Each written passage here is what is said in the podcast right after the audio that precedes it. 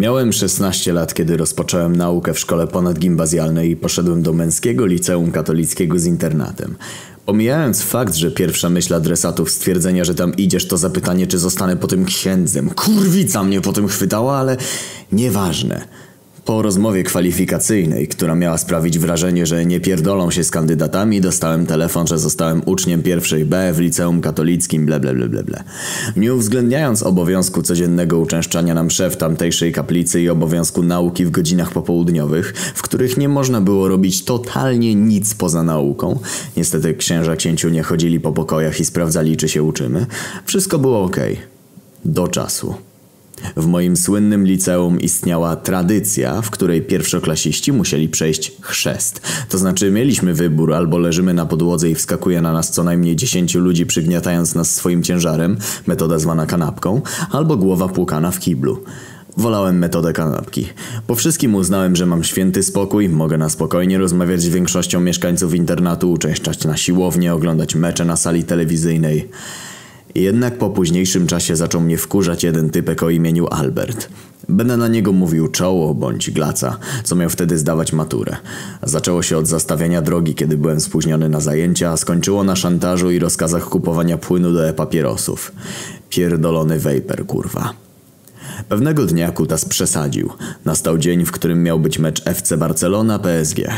Zrobiłem wszystkie zadania domowe. Msza odbyta. Umyłem się. Idę na salę telewizyjną oglądać ten emocjonujący mecz. Siedział tam ten cfel. Usiadłem sobie na spokojnie na drugim końcu sali, żeby nie musieć oglądać jego mordy. Fenomen jego ryja polegał na tym, że gdy ktoś krzyknął pokaż czoło, to debil robił się czerwony jak burak, ponieważ miał półkilometrowe czoło i natychmiast zaczesywał sobie włosy, aby nie było tego widać. Ale i tak nie dawaliśmy mu spokoju. Nie zdążyłem usiedzieć pięciu minut meczu, a pan czoło zaczyna mnie zaczepiać. Usiadł obok mnie i rozpoczął. Wieszak, co ty tu robisz? Mecz przyszedłem oglądać, nie widać? No ta, ale ten mecz nie jest dla ciebie. Są tu sami fani Realu Madryt, którzy chcą zobaczyć jak UEFA Lona dostaje w pierdol. Fakt, że byłem kibicem Barcy, a wtedy dałem się sprowokować. W zamian mu odpowiedziałem typowym sucharem, że jego czoło jest tak duże, że można na nim projektor odpalić. Cóż, zadziałało. Typek się wkurwił, walnął kontrolnego liścia i zapytał, czy chce jeszcze, a ja na to, że niektórzy mylą jego oświetlone czoło ze wschodem słońca, taką glacę miał. Trzy liście i wypierdolił mnie z sali. Pomyślałem sobie wtedy, o nie, nikt mnie nie będzie wypieprzał z meczu Barcelony, jeszcze za to zapłaci. Zacząłem obmyślać plan udupienia czoła. Dzień pierwszy. Zacząłem tworzyć siatkę kontaktów, aby dowiedzieć się, kto gnoja nienawidził, a kto był jego przydupasem. Często mi pomagał pewien ziomek o pseudonimie Prezes. Był z równoległej klasy co czoło. Dzięki temu bardzo mi się przydawał, szczególnie, że jego pseudonim nie był dziełem przypadku. Zarządzał całą swoją klasą i dogadywał się z równoległą w sprawie e-papierosów. Naprawdę e-palenie to był tam chleb powszedni. Jeżeli nie miałeś e-fajki przy sobie, to już byłeś traktowany jak lamus i przegryw bez wiary w przyszłość. Prezes znał glacę i ogarniał mu olejki do palenia. Tutaj wkraczam ja. Jako, że nie zaliczałem się do lamusów, również sobie załatwiałem olejki. Pewnego razu dostałem zlecenie od czoła, żeby kupić olej o smaku anyżu i przynieść do prezesa. Ja pierdolę. Jak można palić oleje anyżowe? Oleje można było kupić w sklepie albo zrobić własne i wlać je do specjalnej buteleczki. Posłusznie się zgłodziłem z szerokim uśmiechem. Poszedłem do sklepu i kupiłem pustą butelkę. Kurwiu, chcesz anyż? Dostaniesz anyż. Wróciwszy do internatu, poszedłem do łazienki i zacząłem kręcić śmigłem. Trzymałem nabój przez tydzień, więc czułem, że napełnię buteleczkę do pełna. Po robocie oddałem butelkę z napisem Anysz prezesowi. Powiedziałem mu o moim planie i poprosiłem, żeby przy większym dymie krył mi plecy, bo jeszcze nie skończyłem. Zgodził się. Sam pan czoło zaczął już go wnerwiać. Pierwszak to, pierwszak tamto, pierwszak olej, pierwszak dej. Podszedłem pod pokój czoła i zacząłem słuchać, o czym rozmawiał z prezesem. Butelka przekazana zaczyna zalewać e-fajeczkę.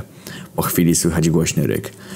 Ten jebany stulejarz spuścił mi się do butli, a nie nalał oleju! Zabiję gnoja, zabiję! Po czym wybiegł z pokoju i biegł w stronę mojego pokoju. Poszedłem z prezesem do jego pokoju i kisnęliśmy cały dzień z tego, że moje plemniki tkwiły w jego układzie oddechowym dosłownie wszędzie. Dzień udany, ale jednak musiałem już być czujnym na każdym kroku. Dzień drugi. Zyskałem aprobatę wielu uczniów, że postawiłem się maturzyście. Nawet ziomki z drugiej i trzeciej klasy zapraszali mnie do siebie na kawę i prosili, abym opowiedział o swoim sperma, spermowym planie. Zyskałem ich uznanie. Czułem się, jakbym postawił się tyranowi i prowadził lud na barykady. Poprosiłem prezesa, aby wynajął kumpli, żeby meldowali mi o lokalizacji czoła, tak aby jak najmniej mijać się z nim. Czasami miałem wręcz wrażenie, że typek zniknął z tej uczelni, ale jednak nie. W przerwie między zajęciami mieliśmy obiad na stołówce, ale to nie była zwykła stołówka. Schodziło się tam jak do piwnicy. Na końcu sali stał długi i szeroki stół, przy którym siedzieli i spożywali posiłek wszyscy nauczyciele uczelni, a na środku jego ekscelencja imperator katolicki ksiądz dyrektor. Prostopadle po jego lewicy biegł stół drugo- i trzecioklasistów, natomiast po jego prawicy stół pierwszaków. Szybkie pogaduchy z prezesem i ziomkami z mojej klasy i zaczyna się obiad. Szybka modlitwa, ogłoszenia dyrektora i dyżurni stołówki zaczynają podawać do stołu. Los mi sprzyjał, albowiem dyżurnym był czoło i jakiś jego przydupas. Panował na stołówce klimat typu A, kurwa, ziemniaczki, mięsko takie dobre, kurwa. Mm, mm, mm. Nadjeżdża do mnie czoło, pluje do miski z ziemniakami i życzy mi smacznego, śmiejąc się pod nosem. W tym samym momencie kiwnąłem głową do ziomka, który siedział siedem miejsc ode mnie. Nadjeżdża czoło, dyrektor pokazuje na zegarek, oznajmiając mu, że się śpieszy, czoło przyspiesza i nagle mój ziomek wyciąga nogę i jeps. Czoło wypierdala się na wózek i z ryjem w ziemniakach wpada na stół dyrektora.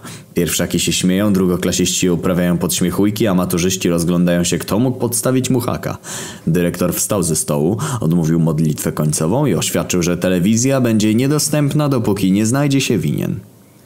Miałem to w dupie i tak już się tam nie pojawiałem. Dzień trzeci. Jak już wcześniej wspominałem, codziennie musieliśmy chodzić na mszę świętą do kaplicy. Dwóch pierwszaków zarządzało kalendarzem i informowało, w którym dniu i kto pełni daną funkcję. Jeden był lektorem, jeden śpiewał, inny składał dary i tak dalej, etc. Dzięki jednemu z największych wrogów czoła, typkowi o pseudonimie Dudek, dowiedziałem się, że czoło ma organizować u siebie w pokoju chlanie, ponieważ uznał, że skoro nie ma służyć przy ołtarzu, to nie musi go tam być. Opinię z nim podzieliło kilku innych jego przydupasów. Czułem, że tutaj jest moja szansa na to, by wywalić gnojka na zbity pysk. Chcieliście wydymać Freda, to teraz Fred wydyma was. Skontaktowałem się z, z zarządcami kaplicy, aby specjalnie przestawili czoło na stanowisku składania darów z przyszłego tygodnia na dzisiaj. Z racji tego, że mieli gdzieś kto służy przy ołtarzu, bo osoby wpisywali losowo, zgodzili się.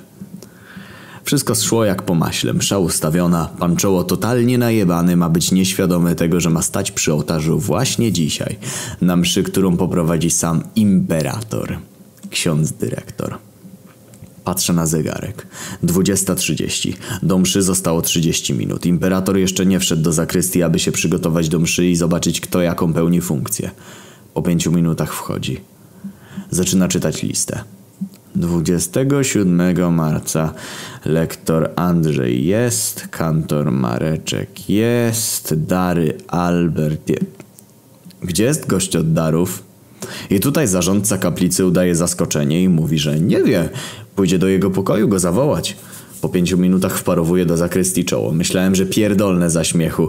Nos czerwony jak jasny chuj. Rudolf oddałby wszystko, żeby zamienić się z nim nochalem. Ale czułem, że nie jest zbytnio pijany. Bałem się, że mój plan jebnie i dalej będę dręczony przez tego gnoma. Nagle nadchodzą przydupasy czoła. Schowałem się za kolumną i słuchałem ich rozmowy. Kurwa, za co my tam idziemy? Bert spierdolił sprawę, a mówił, że służy w przyszłym tygodniu. Ja raczej się boję, jak Berta jebnie. Moja nalewka ma spóźniony zapłon. Tak, uda się.